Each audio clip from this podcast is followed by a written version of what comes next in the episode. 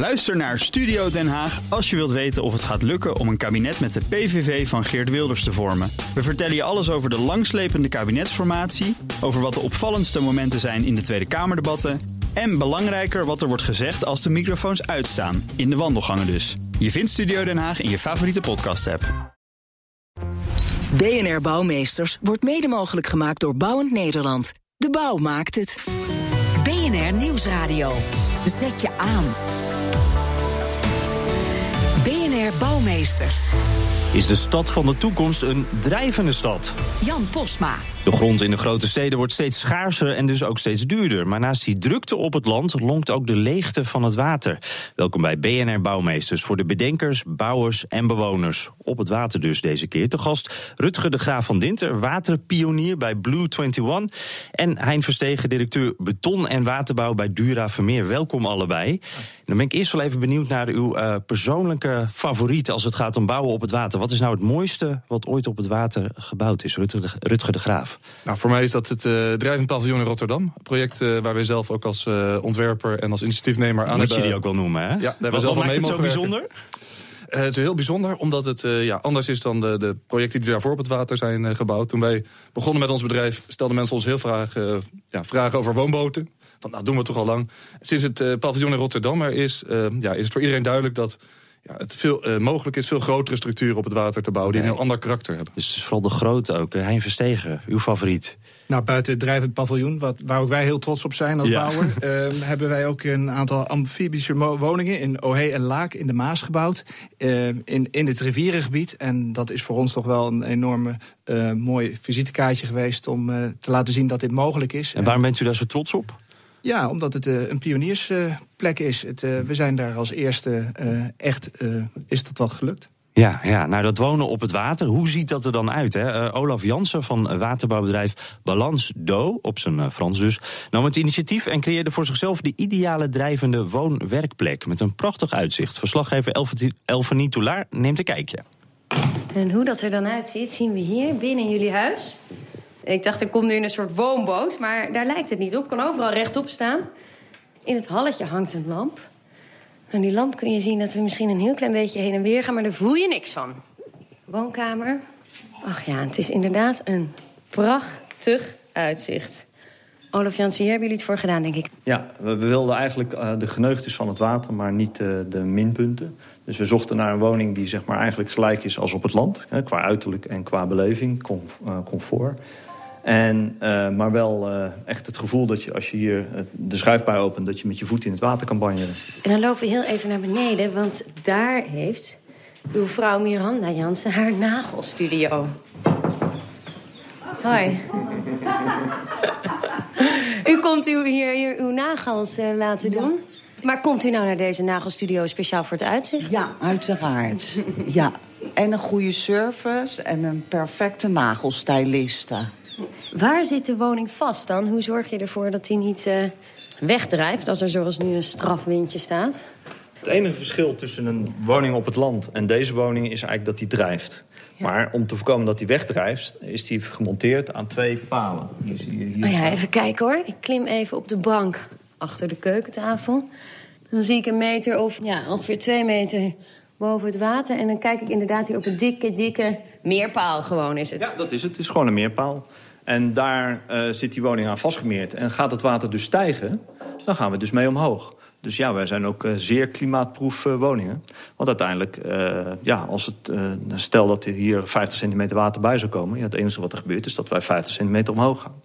Ja, dat klinkt eigenlijk heel eenvoudig en heel goed. Dan wordt het natuurlijk steeds drukker. Ik zei het net al, uh, met name in de grote steden. Maar we hebben water zat. is dit dan de toekomst, Rutger de Graaf? Ik denk het zeker. Als je wereldwijd kijkt, dan gaan er per dag 150.000 mensen op de wereld naar de stad toe. En die steden liggen voornamelijk in laaggelegen kustgebieden... die steeds kwetsbaarder worden voor klimaatverandering.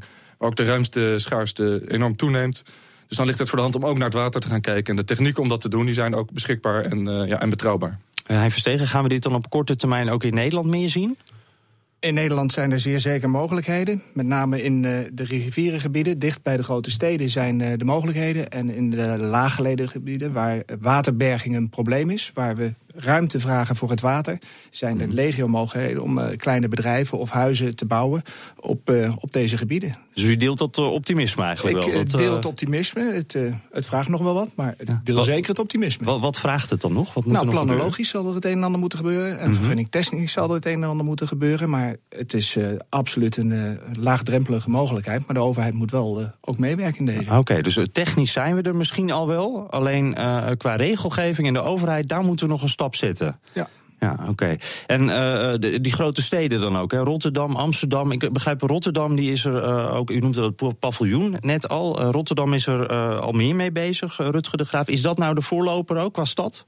Nou, ik in Nederland hebben zij wel he- heel veel ambitie. En eh, wat je ziet in Rotterdam is wel een unieke ontwikkeling. eh, dat de, de havenactiviteiten en de maritieme activiteiten... Die, die, die, ja, die verschuiven naar de Tweede Maasvlakte. En je ziet die oude stadshavens, die dus dicht bij het stadscentrum eh, liggen... die zie je zo langzaamaan beschikbaar komen voor andere functies. Ja, en daar zijn echt eh, plannen in de maak voor grootschalige drijvende wijken. En dan, dan hebben we het niet alleen over wonen, maar ook eh, commerciële functies, recreatie... en uiteindelijk om ook de economische activiteit in het centrum eh, te versterken. Ja, meneer Verstegen, als we dan kijken naar wat nou efficiënter is. Hè. Ik, we zijn natuurlijk als Hollanders gewend om alles in te polderen. Dat is de manier om er wat land, land bij te winnen. Is dit dan een efficiënt alternatief eigenlijk? Zeker voor een situatie als Rotterdam is dit een efficiënt eh, alternatief. Omdat ze daar gewoon direct eh, met het beschikbare water kunnen gaan bouwen. Is het dan ook goedkoper? Of- is dat ik nog niet denk zo? dat het in die situatie zelfs goedkoper is. En nou eh, zie ik soms ook hele, hele ambitieuze plannen, ook op de zee bijvoorbeeld. Dan kijk ik even naar u, Rutger de Graaf. Wat, wat, hoe, hoe, zien we dat, hoe ziet u dat voor zich? Kan de Noordzee bijvoor- bijvoorbeeld ook bebouwd worden? Ja, De Noordzee is wel net even een zee die, als je naar alle zeeën op de wereld kijkt, eh, Beetje qua druk, golf, eh, heel Ja. druk en qua golfhoogte vrij heftig. Maar ja, technisch kan natuurlijk heel veel. Wij hebben onderzoek gedaan samen met het Seasteading Instituut uit eh, Californië. Zij zitten in de Silicon Valley. Hun ambitie is om midden op de oceaan eh, drijvende steden te stichten. Eh, de technische haalbaarheid en de economische haalbaarheid hebben we in eh, opdracht van het Seasteading Instituut onderzocht. Daar blijkt uit dat het kan. Eh, in dat geval ga je wel toe naar echt grote drijvende betonnen golfbrekers. Om te zorgen dat, eh, ja, dat je daar ook veilig kunt wonen. En die, die eh, golfbrekers, die liggen er dan omheen? Ja, die liggen zo eromheen. kijken? Ja? klopt. En die zorgen dus voor dat je dus, eh, als je in zo'n stad zou wonen, je weinig eh, van de golven merkt. Ja, eh, Dus- meneer, meneer Verstegen, u knikte daar ook al bij, die golfbrekers. die zijn ja, wel redelijk essentieel in dit soort gebieden. Dat, eh, dat is ook iets waar u, als u eh, met, dit soort Ja. plannen bezig bent, ook... Ja, eh, Ja, de, de kust- en oeverwerken, dat is zeker onderdeel van ons pakket. En eh, ja, dat eh, is voor, zeker voor zo'n ontwerp is dat essentieel. Nou moest ik zelf meteen aan het IJsselmeer denken. Ik denk van, eh, dat is al, eh, daar zit al een dijkje omheen, dus eh, redelijk rustig water. Zou dat nou in de toekomst ook zo'n eh, gebied kunnen zijn, eh, meneer Verstegen?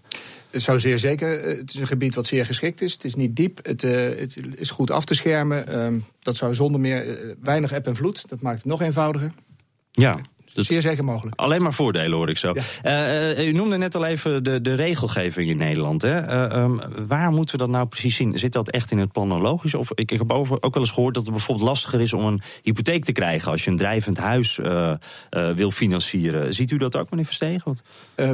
Eh, van de hypotheekregelgeving. Net weet ik niet uw, veel. eh, business, Maar, nee. eh, maar het is inderdaad de regelgeving van het bewonen van eh, bijvoorbeeld de uiterwaarden. eh, waar eh, nou ja, vooral in Limburg een hoop discussie over is geweest. Dat, dat vraagt nog wat. Daar zullen we eh, wel wat moeten doen. En als Ja. je kan garanderen dat de doorstroming van de rivieren, die voor ons heel belangrijk is, eh, de deltafunctie die we hebben, als dat eh, op orde is en ja, dan zouden vergunningen gegeven kunnen worden. Ja, eh, meneer De Graaf, ziet u dat ook zo? Nou, kijk, wat je ziet is dat eh, als mensen geconfronteerd worden met iets dat ze niet kennen, dan, dan zeggen ze zo gauw dat het niet kan. Ja. Eh, uiteindelijk blijkt uit de praktijk wel dat er bij heel veel drijvende woningen gewoon normale hypotheken verstrekt zijn, dat die woningen ook verzekerd zijn. Maar het vergt wel een bewustwording. De- en daar besteden we ook veel tijd aan om uit te leggen wat er kan. Planologisch, ja, het moet in het bestemmingsplan worden opgenomen.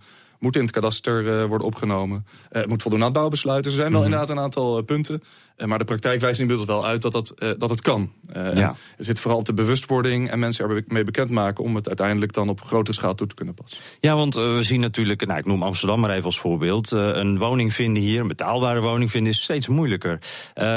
Ziet u hier dan bijvoorbeeld ook een, een omslagpunt? Willen mensen het hier ook eerder, dat bewustwordingsproces? Gaat dat sneller? Nou, ik, ik, ik maak me heel weinig zorgen. Mensen willen dit heel graag. En dat zie je ook hè, als er waterkavels beschikbaar komen. Nou, dan is er heel veel belangstelling. Ja. Zeker denk ik hier in Amsterdam met IJmeer zou een fantastische plek zijn. Maar ook oude havengebieden die ook hier eh, ja, in sommige gevallen minder gebruikt worden. Dus de, de consument wil het. Niet iedereen, maar genoeg mensen zijn zeer geïnteresseerd. Uh, ja, en het gaat erom dat er voldoende locaties uh, beschikbaar komen... om uiteindelijk dan ook uh, dit soort drijvende wijken te kunnen gaan maken. Ja, dus uiteindelijk is het toch inderdaad echt die, die blik richting gemeente... richting ja. bestuur. stel die planologisch, ja, inderdaad.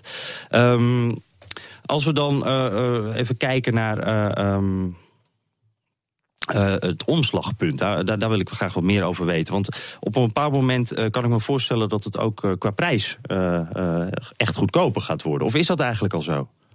Nou, als je naar de prijs kijkt, dan hangt heel veel af van de locatie. En ja. zeker hier bijvoorbeeld in Amsterdam, waar we nu zijn, de locatie is anders. Ja, de, de plek is duurder dan de woonboot. Exact, exact. Dus, en, het hangt natuurlijk ook van het project af. In algemene zin is het zo dat de bouwkosten van, van een bouwwerk op het water iets hoger liggen dan op het land. Mm -hmm. Maar dat de waterprijs vaak veel lager ligt dan de, dan de locatie op het land. En als je die dan bij elkaar optelt, dan kan aan het eind van de rit ja, drijvende bouwwerken een stuk goedkoper zijn eh, ja. dan die bouwwerken op het land. Maar dat omslagpunt, zit dat er nou al aan te komen of moeten we dan nog wat verder in de toekomst uh, kijken? Op sommige locaties zijn we al voorbij dat omslagpunt. Daar ja. zit nu al goedkoper. Waar dan? In Amsterdam bijvoorbeeld? Of? Jazeker, ja, ja, maar ook steden als New York. we hebben een, een haalbaarheidsstudie gedaan voor mensen uit San Francisco. Die, ja, die vonden dat ook een stuk goedkoper dan wat ze nu op het land betalen ja, op plekken waar natuurlijk nog genoeg ruimte is, waar de landprijzen laag zijn, ja, daar is drijvend bouwen nog wel duurder. Ja, hoe drukker het wordt, daar wordt het ook duurder natuurlijk. Uh, daar gaan we het zo ook verder over hebben. En ook over de vraag: hoe bouw je nou een zeewaardig huis? BNR Nieuwsradio. Zet je aan. BNR Bouwmeesters. De stad van de toekomst zou wel eens een drijvende stad kunnen zijn. Maar hoe doe je dat nou? Hoe bouw je een zeewaardig huis? Daar praat ik verder over met mijn gasten. Rutger de Graaf van Dinter, waterpionier bij Blue 21. En Hein Verstegen, directeur beton en waterbouw bij Dura Vermeer. Eerst maar even terug naar dat drijvende huis van Olaf Jansen van Balans Do. Uh, hij ontwikkelde een bouwmethode die alle water aan kan en noemt dat dan zelf de nieuwe generatie drijvend bouwen. Op de bouwplaats legt hij verslaggever Elf Nitolaar uit hoe dat nou werkt. Wij kunnen met deze bouwtechniek kunnen we werkelijk op elke locatie bouwen. In het water neem ik aan? In, ja, in het water. En zijn we ook niet meer afhankelijk van een bepaalde waterdiepte. Dus en waar zit hem dat in?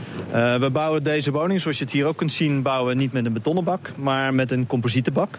En we bouwen deze woning op een uh, hydraulisch platform, zodat we op het water bouwen en niet meer op het land. Oké, okay, maar dat zegt mij allemaal vrij weinig. Een uh, composietenbak in plaats van een betonnen bak, wat is daarvan het voordeel, vraag ik. Terwijl we het karkas van het huis binnenlopen?